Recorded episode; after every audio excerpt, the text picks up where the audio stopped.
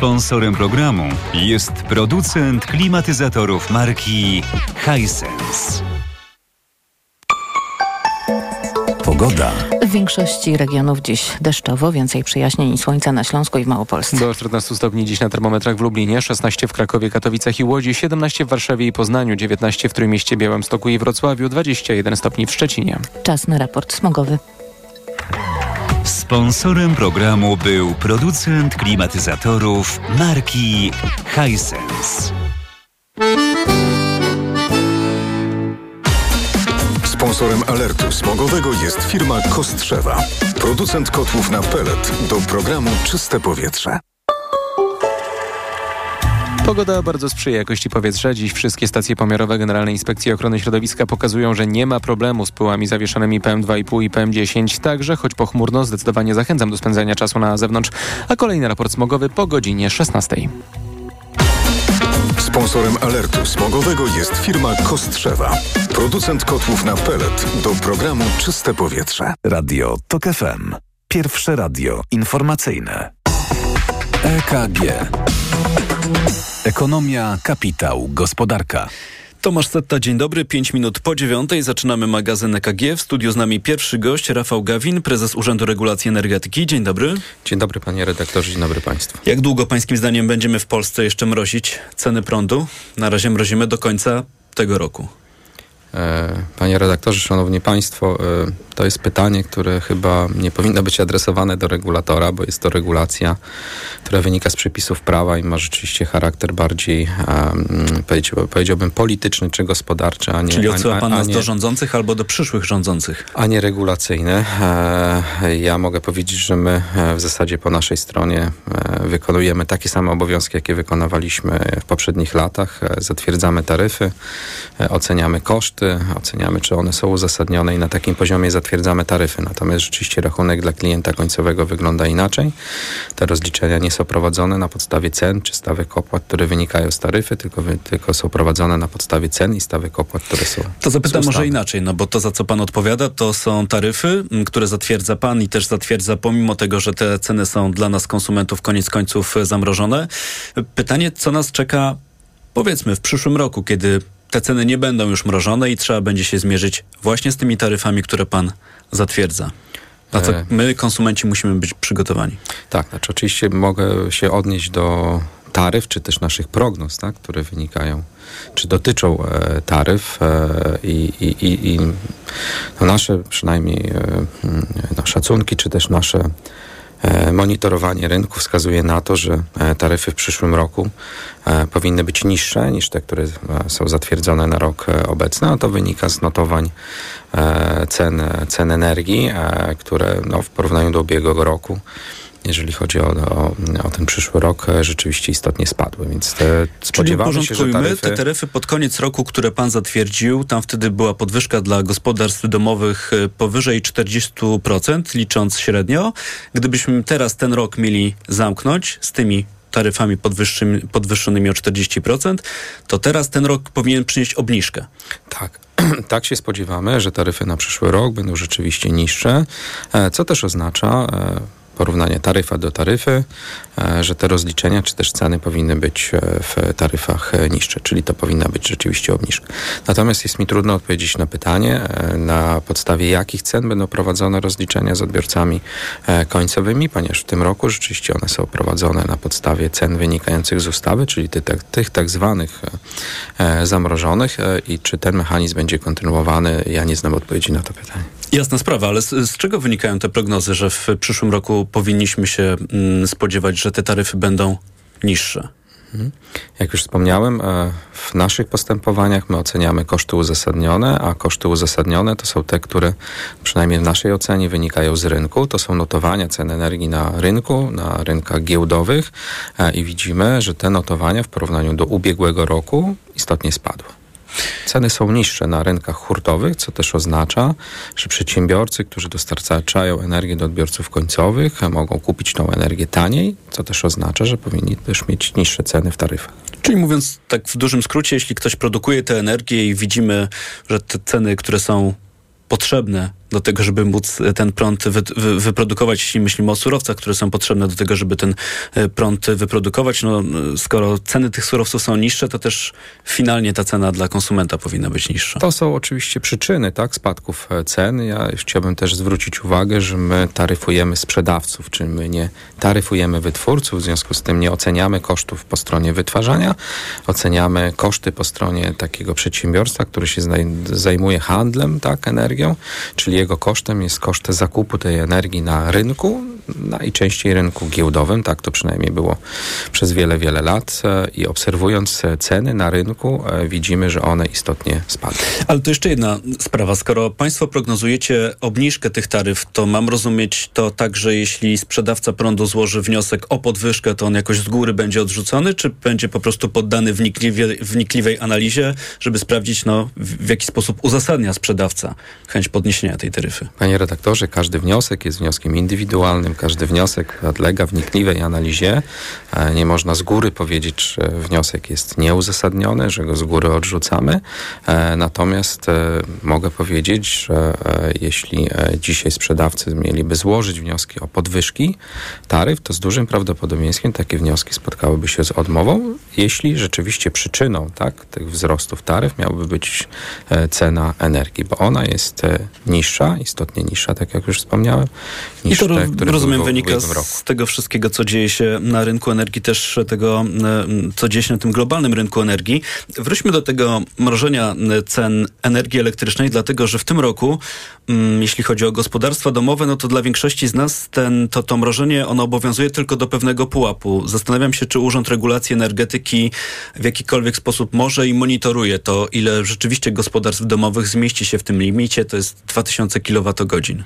Tak, to znaczy my nie tyle może monitorujemy na bieżąco, ile tych gospodarstw e, zmieści się w limicie, ale też przypomnę, że na etapie w ogóle tworzenia ustawy, e, jak przy każdej ustawie, była wykonana ocena skutków regulacji wówczas rzeczywiście e, takie mm, szacunki, czy też takie badania tak, były, były wykonywane.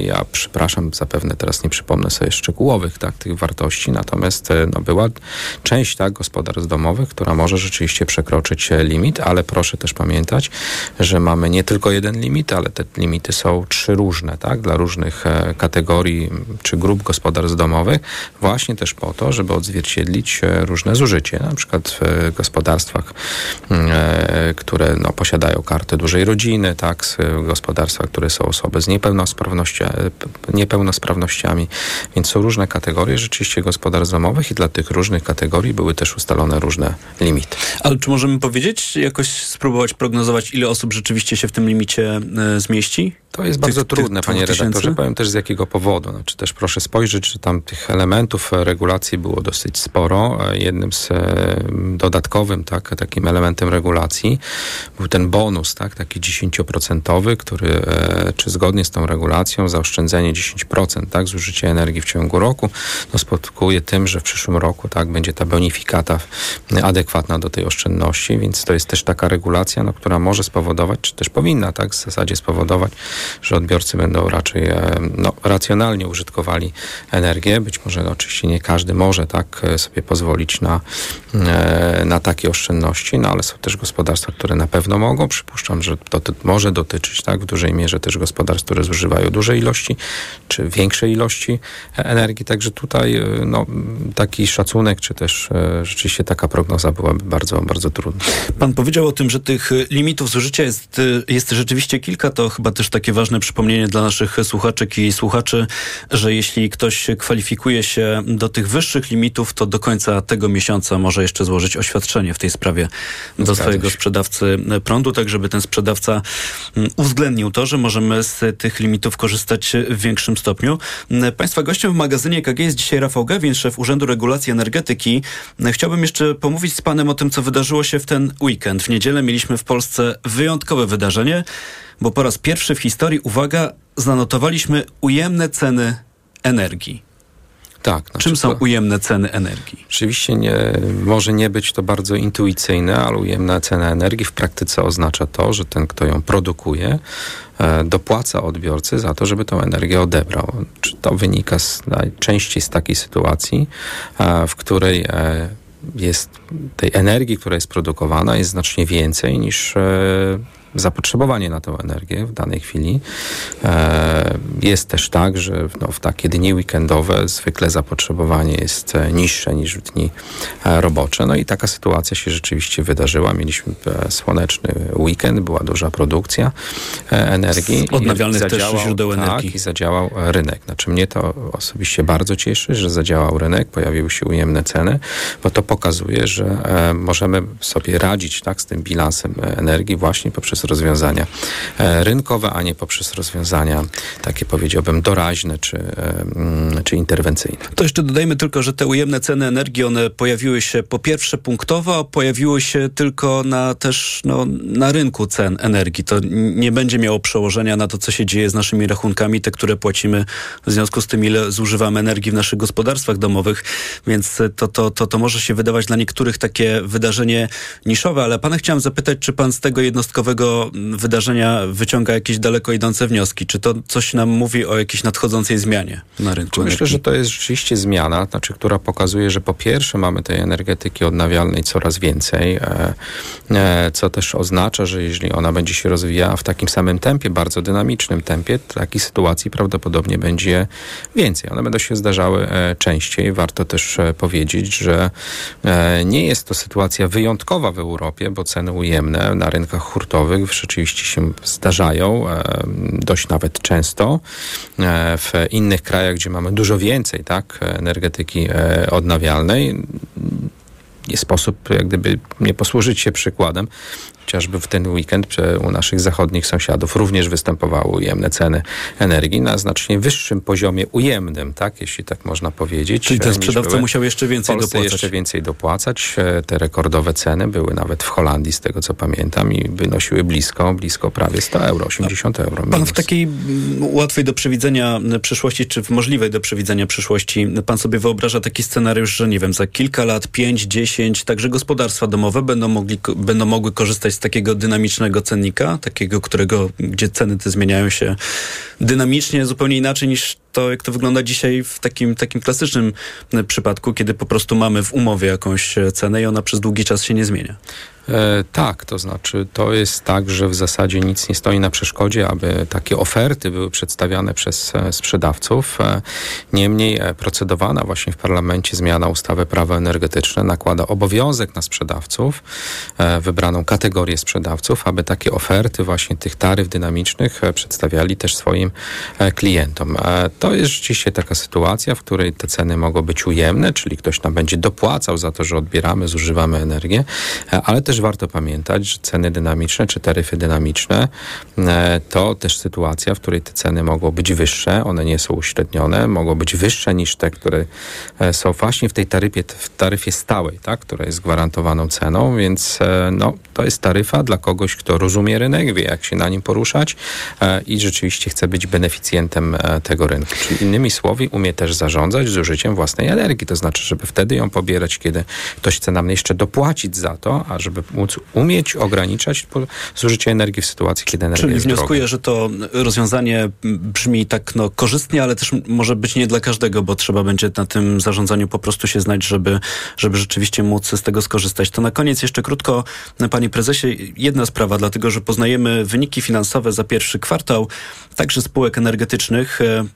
nie zdarza się, że wynika z nich, że te zyski firm energetycznych są w porównaniu do poprzedniego roku dużo, dużo wyższe, przy czym ta ilość wyprodukowanej energii jest mniejsza, co budzi podejrzenia, że być może coś niepokojącego dzieje się tutaj z marżami. To jest jakiś taki element, którym się interesuje Urząd Regulacji Energetyki? E Panie redaktorze, znaczy warto przede wszystkim powiedzieć, że nie cała działalność tak, e, przedsiębiorstw energetycznych jest e, bardzo ściśle regulowana, chociażby w, e, na etapie taryf. Te taryfy zatwierdzamy tylko już wybranym tak, przedsiębiorstwom i tylko w wybranym czy w okresie ograniczonym tak, zakresie działalności. Jest prawdą też, że w tym mechanizmie tak, odpisów, czyli takim mechanizmie, w który ta nadwyżka rynkowa tak, czy też ta marża jest, można powiedzieć, w jakiś sposób regulowana ustawowo.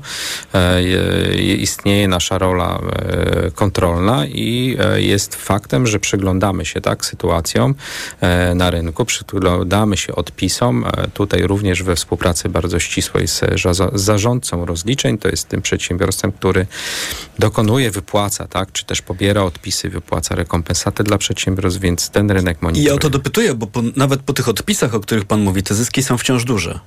E, tak, warto pamiętać też, że odpisy są rozłożone w czasie, więc być może jest też tak, że e, pokazanie wyników nie jest do końca skorelowane z czasem, tak, z dokonanymi odpisami, e, ale jest to sytuacja, którą na pewno też będziemy się przyglądać, znaczy w takim zakresie, w jakim ona dotyczy oczywiście obowiązku odprowadzania odpisu, więc tej sytuacji się przyglądamy, tak jak wspomniałem, we współpracy z zarządcą rozliczeń. O czym mówił szef Urzędu Regulacji Energetyki Rafał Gawin. Bardzo dziękuję za tę rozmowę. Dziękuję bardzo.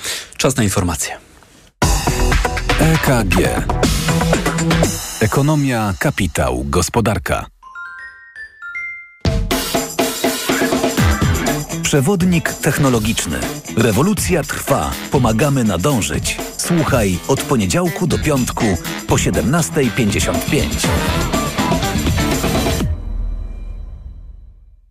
Sponsorem przewodnika technologicznego jest japońska firma Daikin, producent pomp ciepła, klimatyzacji i oczyszczacze powietrza. www.daikin.pl Reklama. RTV Euro AGD. Jeszcze tylko dziś. Nawet do 5000 zł rabatu przy zakupach za minimum 1500 zł na wybrane produkty. I dodatkowo 30 rat 0% na cały asortyment. RRSO 0%. Regulamin w sklepach i na euro.com.pl. Paulina Pastuszak, międzynarodowy ekspert stylizacji paznokci i autorka książek. Często pytacie, jak radzić sobie, gdy paznokcie są słabe i łamliwe, na przykład po środkach chemicznych czy nieumiejętnym zdjęciu hybrydy. Niezastąpione jest Regenerum, regeneracyjne serum utwardzające do paznokci. Regenerum to świetny utwardzacz. Tworzy na paznokciach tarczę ochronną, zabezpieczając je przed uszkodzeniami. Regenerum wzmacnia i odbudowuje paznokcie, wypełniając uszkodzenia. Utrzymuje się do 7 dni i pozostawia je mocne, gładkie i błyszczące. Regenerum. Pełna regeneracja. Bo w Media Expert taniej masz. Teraz Media Expert przy zakupie produktów w promocji 20 rat 0%, a do tego pierwsza rata gratis. RRSO 0%. Tyle teraz słychać o wszawicy. Co robić? Zuzia też złapała, ale kupiłam w aptece sprawdzony lek. Sora Forte. Sora Forte? Tak, to jedyny taki szampon leczniczy. Jest łatwy w użyciu i już po 10 minutach zwalcza wszy. Sora Forte. Ekspresowy lek na wszawicę. Sora Forte. Permetriną 10 mg na mililitr. Wszawica głowowa u osób w wieku powyżej 3 lat. Przeciwwskazania na wrażliwość na którąkolwiek substancję. Inne piretroidy, pyretryny. Aflofarm. Przed użyciem zapoznaj się z treścią lotki dołączonej do opakowania, bądź skonsultuj się z lekarzem lub farmaceutą, gdyż każdy lek niewłaściwie stosowany zagraża Twojemu życiu lub zdrowiu. Uwaga! Już od poniedziałku do środy robot kuchenny Monsieur Cuisine Smart. Aż 500 zł taniej z aplikacją Lidl Plus. Okazja 1999 zł. Najniższa cena z 30 dni przed obniżką 2499 zł. Szczegóły promocji w aplikacji Lidl Plus. Reklama. Radio TOK FM. Pierwsze radio informacyjne. Informacje TOK FM. 9.22 Filip Kakusz, zapraszam. Już co najmniej sześć osób nie żyje po rosyjskim ostrzale miasta Krzywy Róg w Ukrainie. Trwa operacja ratunkowa po tym, jak rakieta uderzyła w pięciopiętrowy budynek mieszkalny. Ponad 20 osób zostało rannych. Pod gruzami wciąż mogą być ludzie. W Krzywym Rogu zniszczono też kilka innych obiektów cywilnych i przemysłowych. Rakiety zostały skierowane również na Kijów, ale tam zadziałała obrona przeciwlotnicza. Kolejny rekord poparcia alternatywy dla Niemiec. Skrajnie prawicowa partia w najnowszym przeprowadzonym dla dziennika Bild sondażu zdobyła 19 15,5%. Minimalnie lepszy wynik notuje w tej chwili socjaldemokracja kanclerza Olafa Scholza. Na pierwszym miejscu wciąż jest chadecka Unia CDU-CSU. Tracą współrządzący liberałowie i zieloni. Według tego samego badania najpopularniejszym politykiem w Niemczech jest minister obrony Boris Pistorius. Słuchasz informacji TOK FM. Chiny zwiększają swój nuklearny arsenał. W zeszłym roku powiększyły go o 60 głowic i mają ich obecnie 410, twierdzi Sztokholmski Międzynarodowy Instytut Badań nad Pokojem. Potencjał nuklearny rośnie na całym świecie. W tej chwili Stany Zjednoczone, Rosja, Chiny Chiny, Francja, Wielka Brytania, Indie, Pakistan, Korea Północna i Izrael mają prawie 9600 głowic. Władze Paryża decydują się na kohabitację ze szczurami. Mer miasta Anne Hidalgo powiedziała, że po wielu latach niepowodzeń w walce z gryzoniami francuska stolica postanowiła inaczej podejść do problemu.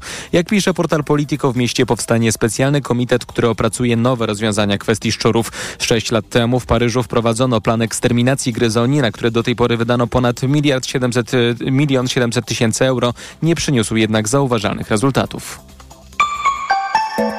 Pogoda. Dziś chłodniej z deszczem w niemal całym kraju, więcej słońca w Małopolskim i Śląskiem na termometrach. W Lubelskim 14 stopni, w centrum około 16-17 do 22 miejscami na Pomorzu Zachodnim.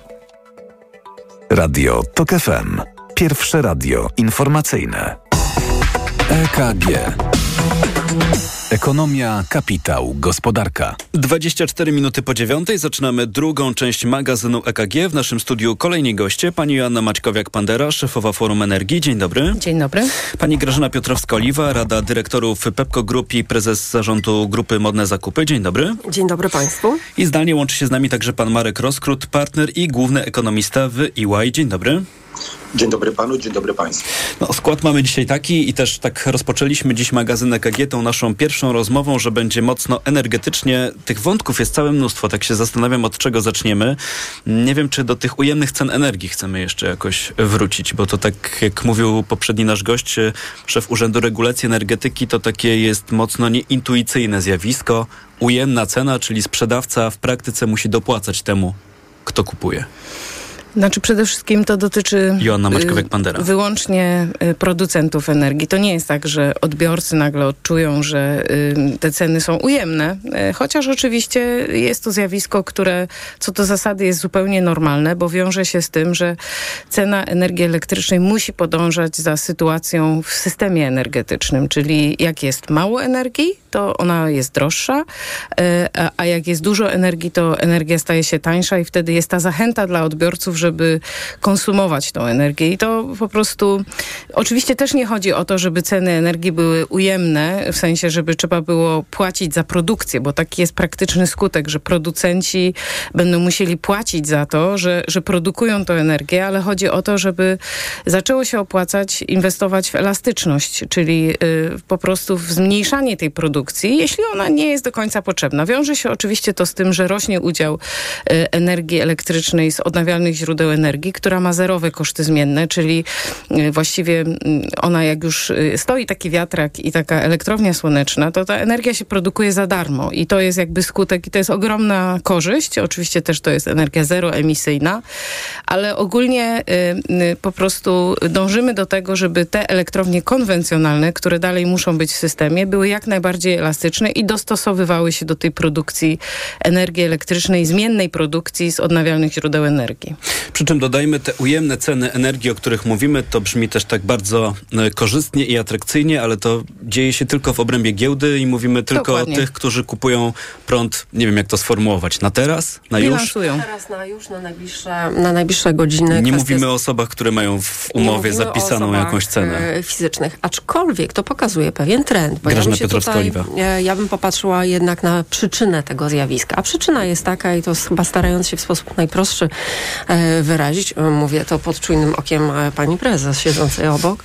Ale mechanizm jest taki, że jeżeli mamy słoneczny i wieczny dzień, a jednocześnie małe zużycie energii, no to wtedy z OZE, czyli z tego bezemisyjnego e, źródła energii, po prostu energia jest produkowana. Jeżeli po drodze nie ma wystarczającej ilości magazynów energii, mm, co właściwie na czym się powinna w tej chwili strategia energetyczna koncentrować, tudzież sieci energetycznej, która taką nadwyżkę jest w stanie pochłonąć i przesłać e, dalej, no to zaczyna się problem, czyli jak upłynnić nadprodukcję w bardzo szybkim czasie i stąd są te ujemne ceny. Każdy się po prostu stara e, pozbyć towaru, którego ma za dużo. No już chyba prościej się, e, prościej się nie da. Oczywiście nie dotyczy to tego e, klientów, chociaż myślę, że to byłby taki, takie porównanie jak na zamknięcie targu z owocami, gdzieś tam już Dokładnie, są ostatnie, gdzie owoce zaczynają gdzie owoce gnić. zaczynają już e, gnić. Wtedy taki sprzeda sprzedają, sprzedawca, zamykając ten swój kramik, to swoje stanowisko, sprzeda ten produkt po każdej cenie, tak? ze stratą, tak? ale, bo ale już po prostu nie ma co z tym zrobić. Bo nie ma co z tym zrobić. I trochę to jest taki łopatologicznie, ale to jest taki mechanizm. Natomiast e, wniosek dla nas jest taki, przy wszystkich dys dyskusjach na temat um, strategii energetycznej, na temat um, bezemisy bezemisyjnych, czy nawet no, niskoemisyjnych źródeł energii, no to w tym momencie widać, jaki to jest efekt, bo to, co powiedziała wcześniej pani prezes i o czym my zapominamy, to jak już jest um, fotowoltaika na miejscu i jak już się zainwestuje w ten e, w cudzysłowie wiatrak, e, to energia jest e, produkowana mm, praktycznie bezkosztowo. To mówiła pani Grażyna Piotrowska-Oliwa, wcześniej Joanna Maćkowiak-Pandera, pan doktor Marek Roskrót. Czy coś dodajemy?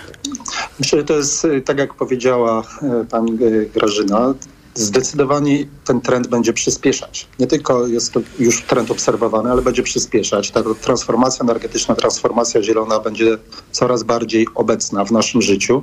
Wynika to nie tylko ze zmian regulacyjnych, gdzie tutaj Unia Europejska wiedzie prym wśród innych regionów świata, natomiast także z powodu wymagań, które stawiają polskim przedsiębiorcom, czy tym także tym mniejszym, dostawcy, gdyż wymagania co do tego, żeby być zielonym w produkcji, będą jednym z warunków konkurencyjności. A jak wiemy, dla Polski główną dźwignią i będzie, pozostanie tym, y, tą dźwignią wzrostu eksport i uczestnictwo w globalnych łańcuchach wartości, aby móc w tych łańcuchach pozostać konkurencyjnym, nie, nie wystarczy być efektywnym kosztowo, ale również trzeba będzie być niskoemisyjnym.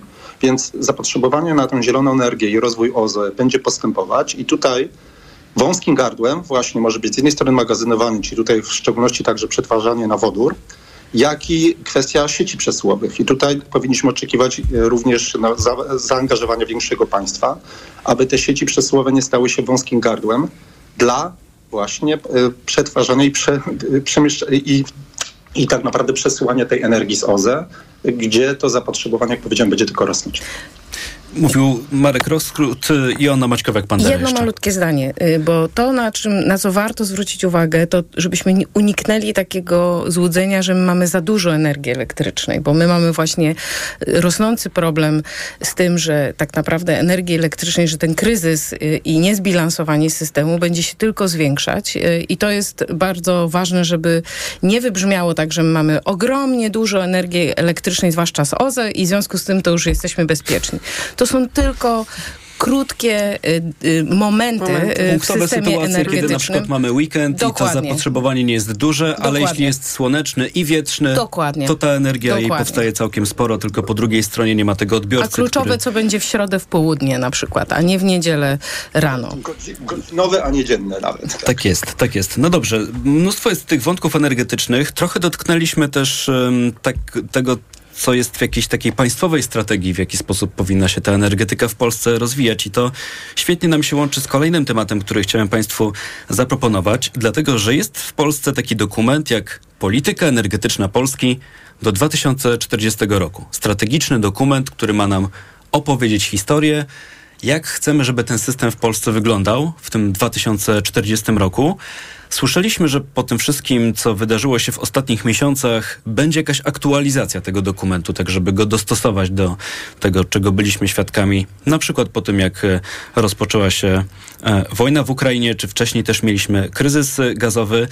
No i nagle okazuje się, że rząd, który siada do stołu z Solidarnością i podpisuje porozumienie, tam także w sprawie tego dokumentu znalazł się pewien punkt, z którego można wnioskować, że po pierwsze Solidarność czy, czy górnicy Solidarności będą mieli wpływ na kształt tego dokumentu. To jest jedna sprawa, ale można też było odnieść wrażenie z treści tego porozumienia, że tej aktualizacji nie będzie i że te prace utkną w martwym punkcie, że tej aktualizacji e, programu nie będzie. No i co się okazuje? To mm, porozumienie było zawarte w zeszłym tygodniu, dokładnie w środę, a wczoraj Ministerstwo Klimatu pokazało aktualizację tego programu. I uwaga, zaprasza wszystkich nas do prekonsultacji tego, co miałoby się w tym dokumencie zmienić. To może na początek pani Joanna Maćkołek-Pandera, to, to, to jest w ogóle ważna sprawa, ten dokument? No to jest kluczowa sprawa do tego, żeby przede wszystkim uruchomić inwestycje. To znaczy tutaj tak y, po pierwsze y, właśnie wytwórcy muszą wiedzieć, jakie inwestycje państwo widzi w polskim systemie energetycznym. To raz. Dwa, to jest właśnie ta kwestia, o której powiedział pan Marek, to znaczy kwestia sieci.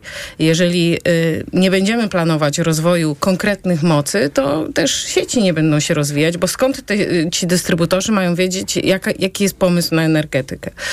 Ale znaczy polska y, polityka energetyczna państwa jest jak serial brazylijski. Naprawdę nie wychodzi nam y, planowanie, rozmowa, transparentność, też posługiwanie się danymi, pokazywanie scenariuszy, liczb, y, które, które są dostępne. Właśnie decydenci dokładnie wiedzą, jak ten miks będzie się kształtować, jak, będzie, jak będą wyglądały ceny energii, bo to jest coś, co, co w części wynika z decyzji politycznej, ale w drugiej części wynika z tego, jak działa rynek, jak kształtują się ceny technologii.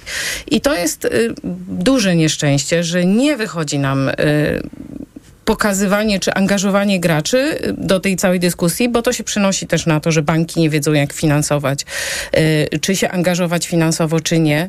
Mm, Więc po prostu ja uważam, że my mamy w energetyce w tej chwili taki polikryzys, y, gdzie tylko ilość problemów rośnie z dnia na dzień, a one nie są w tej chwili rozwiązywane. Ale to muszę dopytać, panią zaskoczyła ta kolejność? To znaczy najpierw jest to porozumienie z Solidarnością, z którego wynika to, o czym powiedziałem, że te prace najprawdopodobniej utkną w martwym punkcie, a wczoraj to też o takiej nietypowej godzinie, bo, bo późno wieczorem Ministerstwo Klimatu zaprasza nas do konsultacji, co miałoby się w tej polityce Znaczy, to, zmienić. To, to wi- wiemy, że w tych scenariuszach, które chodzi? ministerstwo pokazywało wcześniej, chociaż właśnie to było super tra- nietransparentnie też prowadzone, bo były, część dziennikarzy miała dostęp do jakichś scenariuszy, część nie, wynikało, że udział węgla po prostu będzie się zmniejszać z różnych powodów. No ja rozumiem, że to zostało zatrzymane w tej chwili przez związki zawodowe, że to jest sprawa, gdzie tak naprawdę znowu górnictwo dyktuje y, przyszłość y, polskiego sektora energetycznego, gdzie w Przez tle- jeden związek zawodowy. przy, być może nawet właśnie przez jeden związek zawodowy, czyli nieważny jest przemysł, nieważne jest nasze, nasze koszty energii, nieważna jest, nieważne jest bezpieczeństwo energetyczne, tylko y, to odbywa się pod dyktat y, właśnie związku y, zawodowego, ludzi, którzy chcą po prostu tak naprawdę ugrać coś dla siebie.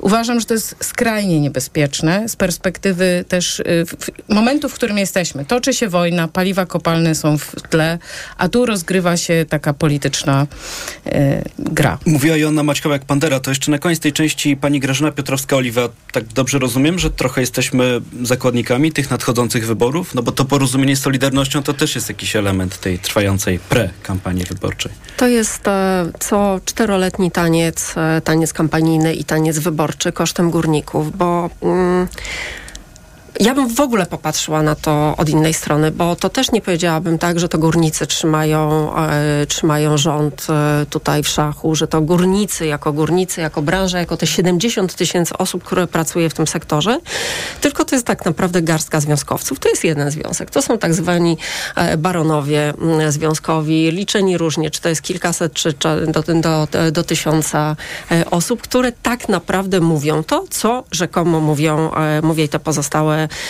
69 tysięcy mm, e, z branży, bo odniosłam się, zacytowałabym badania, taki ciekawy raport e, Instytutu Spraw Publicznych z września 2022 roku.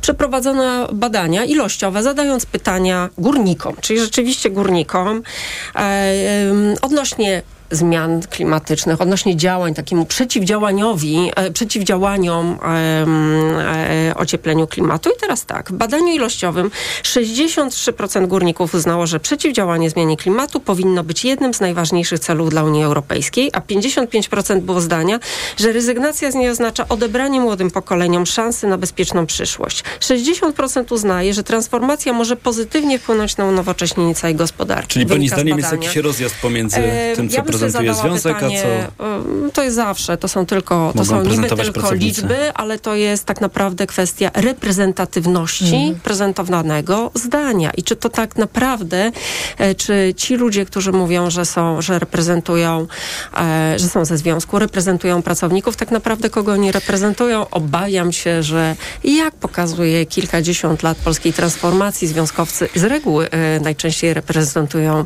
siebie. Mówiła pani Grażyna Piotrowska-Oliwa, są z nami też Joanna Maćkowiak-Pandera i Marek Roskrót. Słyszymy się z państwem tuż po informacjach. EKG. Ekonomia, kapitał, gospodarka. Autopromocja. Dołącz do subskrybentów Tok FM Premium. Słuchaj swoich ulubionych audycji i podcastów Tok FM, których nie usłyszysz na naszej antenie. Słuchaj wygodnie, gdziekolwiek jesteś. Zawsze, gdy masz na to ochotę. Wykup dostęp do Tok FM Premium. Zapłać 150 zł i korzystaj przez cały rok.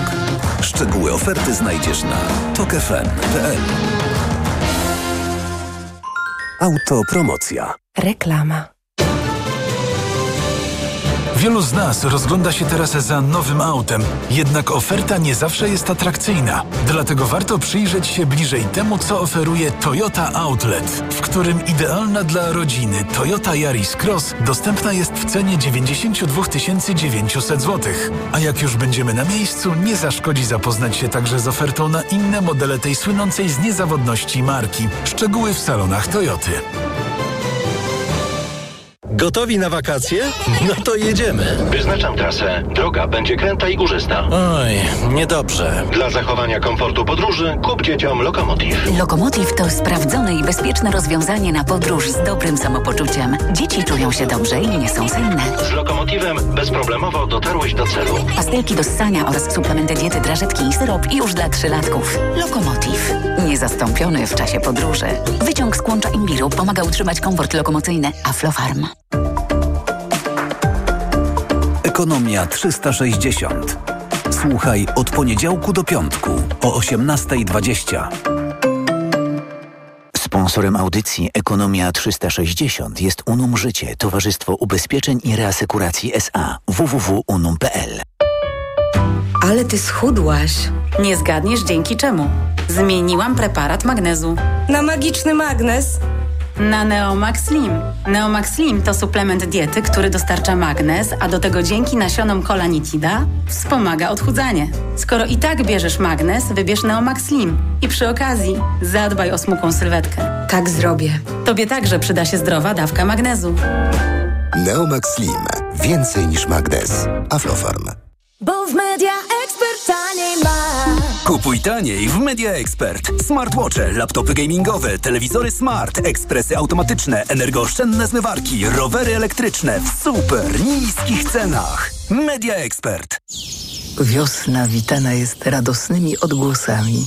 Bambetle zbierają się w stada, podejmując niezwykłą podróż, by odnaleźć sezonowe miejsca lęgowe. Walizki, torby, plecaki mają nowy szlak migracyjny. Bambetle znikają z polskich pociągów, a podróżnicy nie muszą już ich dźwigać.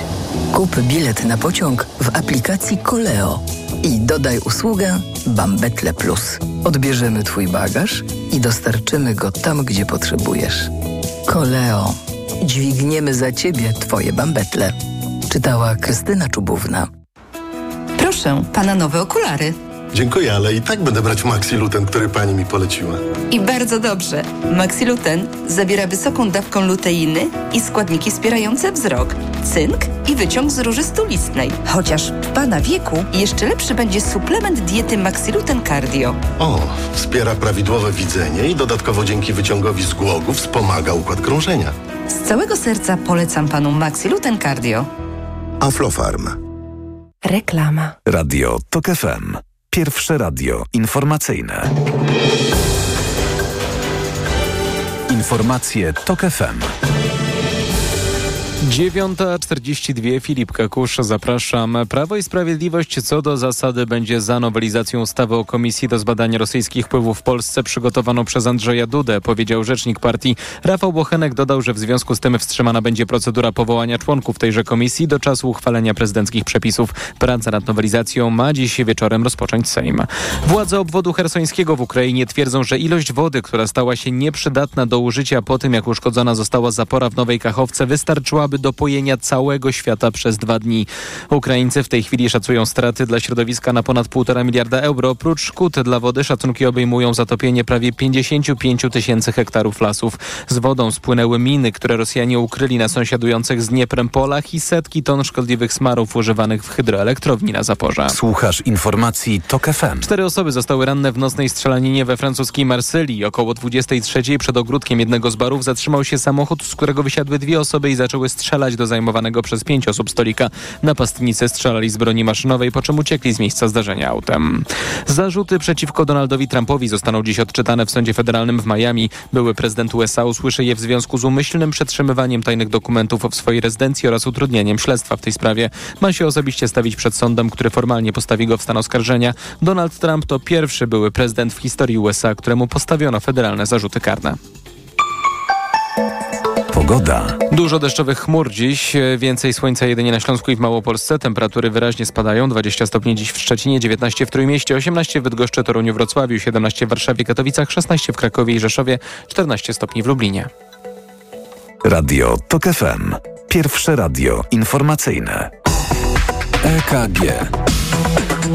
Ekonomia, kapitał, gospodarka.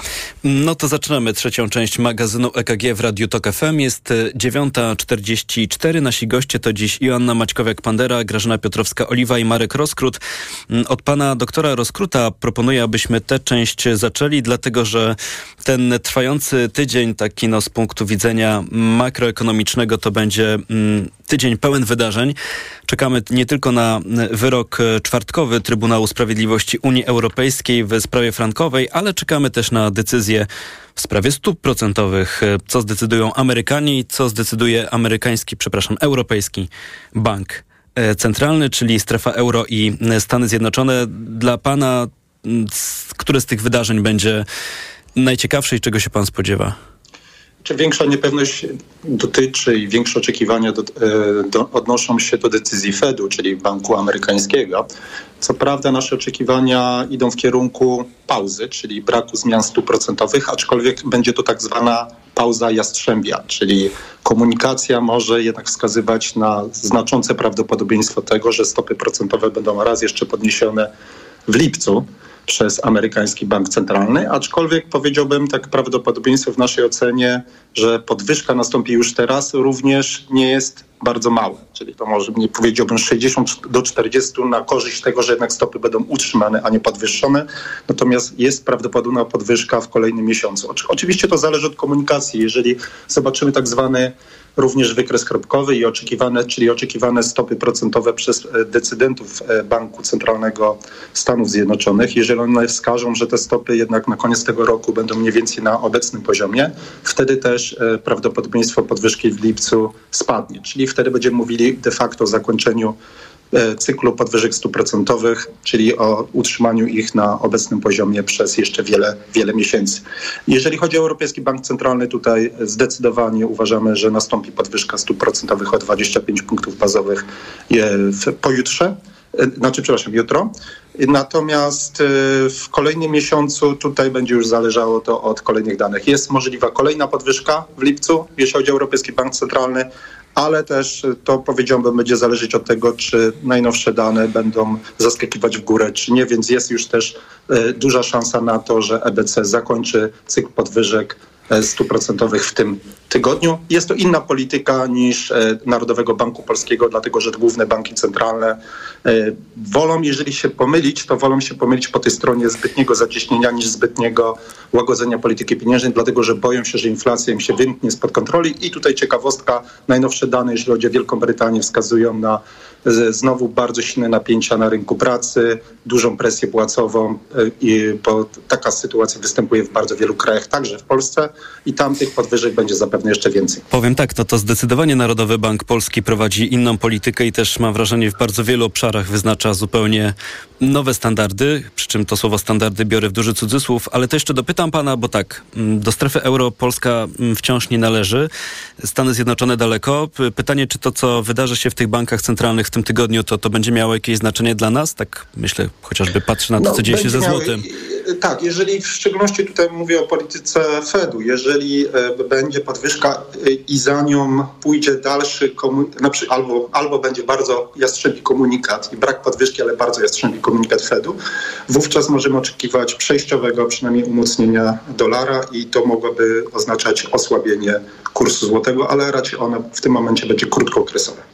Przy czym złoty radzi sobie teraz e, całkiem dobrze, chociaż no już e, widzimy, że niektóre e, waluty odrabiają straty wobec złotego. Euro dziś już po 4,45, dolar po 4,12, funt po 5,19 i frank szwajcarski dziś kosztuje 4 zł i 56 grosz, groszy. Trwa magazyn EKG, to w naszym programie czas na zdziwienia naszych gości. EKG. I wracamy do naszych gości w studiu. Kto zaczyna? Mogę ja. Grażyna Piotrowska-Oliwa, bardzo proszę. Co chciałam panią dziwi? Chciałam popłynąć po Odrze, ale jednak stwierdziłam, że jest, jest lepsza, mm, e, lepsza informacja. Nowy plan finansowy NFZ-u przewiduje, że wydatki w tym roku będą aż o 11,5 miliarda wyższe e, od przychodów. I teraz tak, złóżmy to z kilkoma faktami. Pierwsza, praktycznie wszystkie rezerwy NFZ-u zostały już rozwiązane w poprzednich miesiącach, czyli wykorzystane na COVID i tym, e, i tym podobne. Em, Plan finansowy też nie uwzględnia jednej rzeczy, czyli nie uwzględnia obietnic złożonych już e, wyborczych, czyli darmowe leki dla osób powyżej 60, 65 roku życia, e, czy dla dzieci, e, czy znaczy, mnie to dziwi, bo pozostaje nam wszystkim chyba tylko jednak e, sobie życzyć, e, obyśmy zdrowi byli.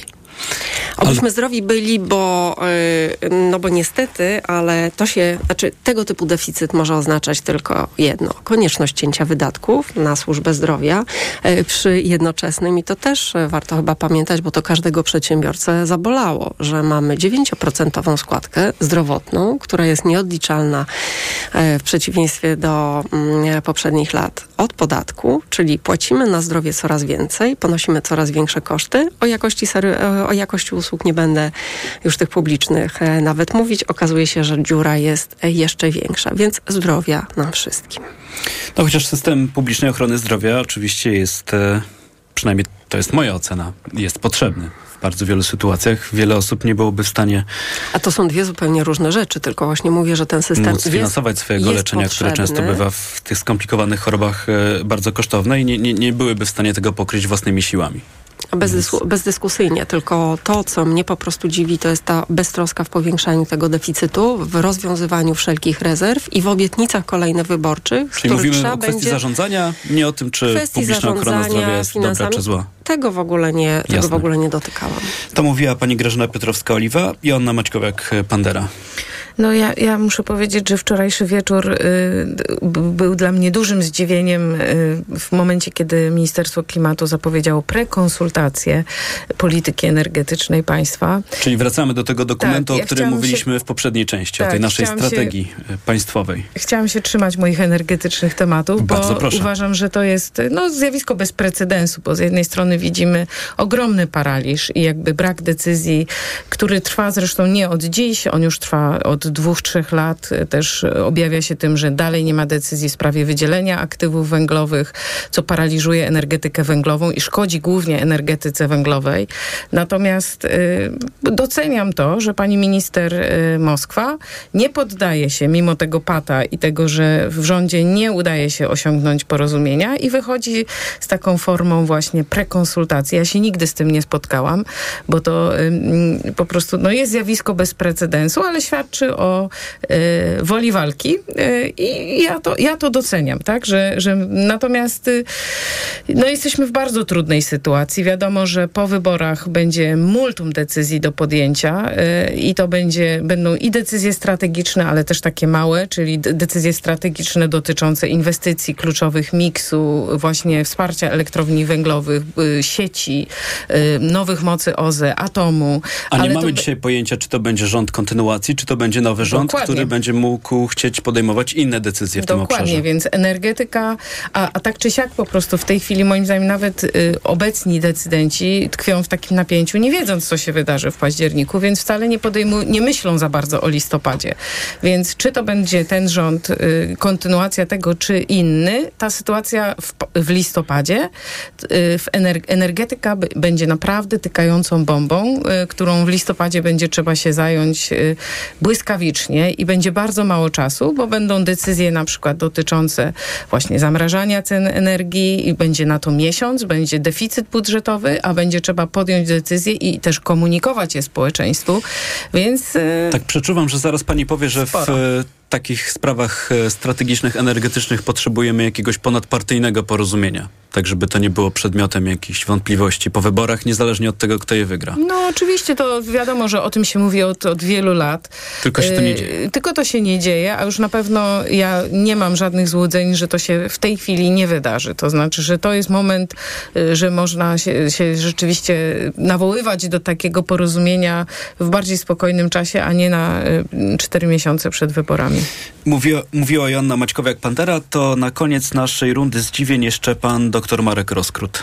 Co pana dziwi? Moje zdziwienie dotyczy inflacji, a w szczególności miary tak zwanej inflacji bazowej, czyli przypomnijmy, jest to inflacja po wyłączeniu cen energii i żywności i Tak ona jest. często słusznie jest interpretowana jako ta, która odzwierciedla czynniki popytowe, czyli to, na co może wpływać polityka krajowa, a w szczególności polityka pieniężna. I ta inflacja bazowa wreszcie zaczęła się obniżać i ona będzie spadać w kolejnych również miesiącach. Natomiast dziwi mnie to, jak wiele osób próbuje to interpretować jako coś, że została opanowana presja popytowa. Zapominamy o, to, o tym, że na te ceny również innych towarów niż energia i żywność, a także ceny usług wpływają czynniki kosztowe, w tym ceny energii, w tym ceny globalne różnych produktów i materiałów, które spadają albo ich e, wzrost cen bardzo spowolnił, także w wyniku odblokowania globalnych łańcuchów dostaw, czy właśnie w wyniku spadku kosztów ich produkcji, w wyniku na przykład spadających cen energii. Więc te czynniki kosztowe, również ich spadek przefiltrowuje się na spadek inflacji bazowej. A natomiast wiele osób interpretuje to jako czynnik, który pokazuje, że opanowaliśmy pre, presję popytową i pewnie niedługo możemy już obniżać stopy procentowe, jak również pozwalać sobie na bardziej ekspansywną politykę fiskalną, czego efekty już widzimy. Mamy licytacje na pomysły wyborcze, mamy nowelizację budżetu i tak dalej, a zapominamy o tym, że ta inflacja po bardzo szybkim spadku w tym roku, osiągnięciu poziomu jednocyfrowego być może już we wrześniu, ona w kolejnym roku o wiele bardziej ten proces obniżania inflacji spowolni i coraz większą rolę w tym będzie od, odgrywać właśnie czynnik napiętej sytuacji na rynku pracy oraz napędzanie popytu w wyniku różnego rodzaju kolejnych stymulacji fiskalnych. Więc my teraz będziemy na fali samozadowolenia, zachwyceni jak szybko spada ta inflacja i uważamy, że e, sytuacja będzie opanowana. A potem Również będziemy zdziwieni, że ona utknie A w potem jakimś będziemy zdziwieni, że ona już nagle nie będzie chciała tak szybko spadać. My nadal prognozujemy, że inflacja w Polsce będzie w Unii Europejskiej najwyższa w roku przyszłym. A też zawsze warto dodawać, nigdy dość e, tego przypominania, że nawet jeśli ta inflacja spadnie poniżej 10% i utknie gdzieś w okolicach, nie wiem, 9, 8, 7, to jest mniej niż 13, które mamy dzisiaj, ale bardzo daleko od takiego optymalnego poziomu, który wyznacza sobie Narodowy Bank Polski. Przypomnę, bo to też można zapominać, 2,5%. Kiedy to było? Bardzo dawno temu. To na koniec e, może tylko e, jednym czy dwoma zdaniami jeszcze jedna sprawa, bo od wczoraj Wirtualna Polska na swoich łamach e, opisuje czy publikuje informacje o klubie milionerów Prawa i Sprawiedliwości. Chodzi o ponad 150 osób związanych z obecnym obozem władzy, które w 19 spółkach notowanych na giełdzie przez ostatnie 6 lat łącznie zarobiły prawie pół miliarda złotych. 90 osób z tych 150 stało się dzięki temu milionerami lub nawet multimilionerami. Zostawiamy to tak, czy? Grażyna Piotrowska-Oliwa. Ja bym bardzo chciała zobaczyć e, listę połączoną, e, znaczy zestawienie tych wynagrodzeń z listą e, tak naprawdę wykształcenia menedżerskiego. Nie mówię o poprzednich gdzieś stołkach kolejnych spółkach Skarbu Państwa mm, e, te, tego klubu. Dwa, e, listę zagranicznych uczelni biznesowych, które tacy menedżerowie kończyli. Znajomość języków obcych, czyli tak naprawdę możliwość e, poruszania się po świecie dużego biznesu, do którego w dużej części należą.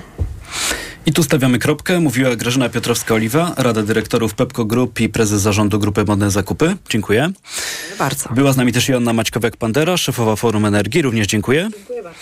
I doktor Marek Roskrut, partner i główny ekonomista w EY. Także wielkie dzięki. Dziękuję bardzo. Mówiliśmy już o tym, co dzieje się na rynku walutowym, to sprawdźmy jeszcze na to, rzućmy okiem na to, co dzieje się na giełdzie papierów wartościowych w Warszawie. Indeks WIG w tej chwili na delikatnym minusie, w dół o 46% i na delikatnym minusie WIG 20 traci 5%, więc jest to symboliczny. Minus to był magazyn EKG w Radiu Tok FM. Program wydawała Natalia Banaczek, realizowała Liwia Prądzyńska. Również wielkie dzięki. Informacje o 10, a po informacjach Cezary Łasiczka, który zaprasza na audycję OFF, Czarek dziś, między innymi w programie o Turcji po wyborach. Jest 9.57, Tomasz Setta. Dobrego dnia i do usłyszenia. EKG. Ekonomia, kapitał, gospodarka. Amerykańska deklaracja niepodległości została uchwalona 2, a nie 4 lipca. Kongresmeni redagowali jej tekst jeszcze dwa dni, zanim posłali go do druku. O wczarek. Od poniedziałku do piątku od dziesiątej. Reklama.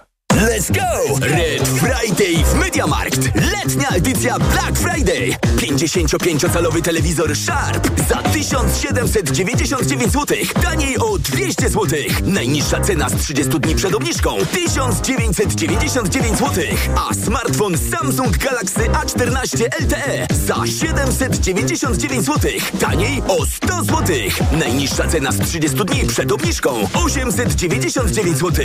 Mediamarkt. O kurcze! Skurcze potrafią pojawić się niespodziewanie podczas aktywności fizycznej, po dużej dawce używek czy w czasie snu. Sięgnij po Neomax Skurcz. Najchętniej wybierany przez Polaków produkt dedykowany osobom zmagającym się ze skurczami. Suplement diety Neomax Skurcz zawiera nie tylko magnez i witaminę B6, ale także potas wspierający prawidłową pracę mięśni. Neomax Skurcz pozwala cieszyć się ruchem i nie myśleć o skurczach. Neomax Skurcz. Więcej niż magnez. Aflofarm. Wyjątkowa restauracja, klub i scena artystyczna na Mazowieckiej. Śniadania za złotówkę przez cały dzień. Lunche za 24,90. Wyśmienita kuchnia, owoce morza, makarony, imprezy okolicznościowe, burleska i muzyka na żywo. La Pose. Ed Sheeran odwiedził nas po koncercie. Przypadek? Nie sądzę. La Pose. Mazowiecka 6 przez 8. lapose.pl Proszę, pana nowe okulary. Dziękuję, ale i tak będę brać Maxiluten, który pani mi poleciła. I bardzo dobrze. Maxiluten zawiera wysoką dawką luteiny i składniki wspierające wzrok, cynk i wyciąg z róży stulistnej. Chociaż w pana wieku jeszcze lepszy będzie suplement diety Maxiluten Cardio. O, wspiera prawidłowe widzenie i dodatkowo dzięki wyciągowi z głogu wspomaga układ krążenia. Z całego serca polecam panu Maxiluten Cardio. Aflofarm. Reklama. Radio TOK FM. Pierwsze radio informacyjne. Wtorek, 13 czerwca, minęła dziesiąta.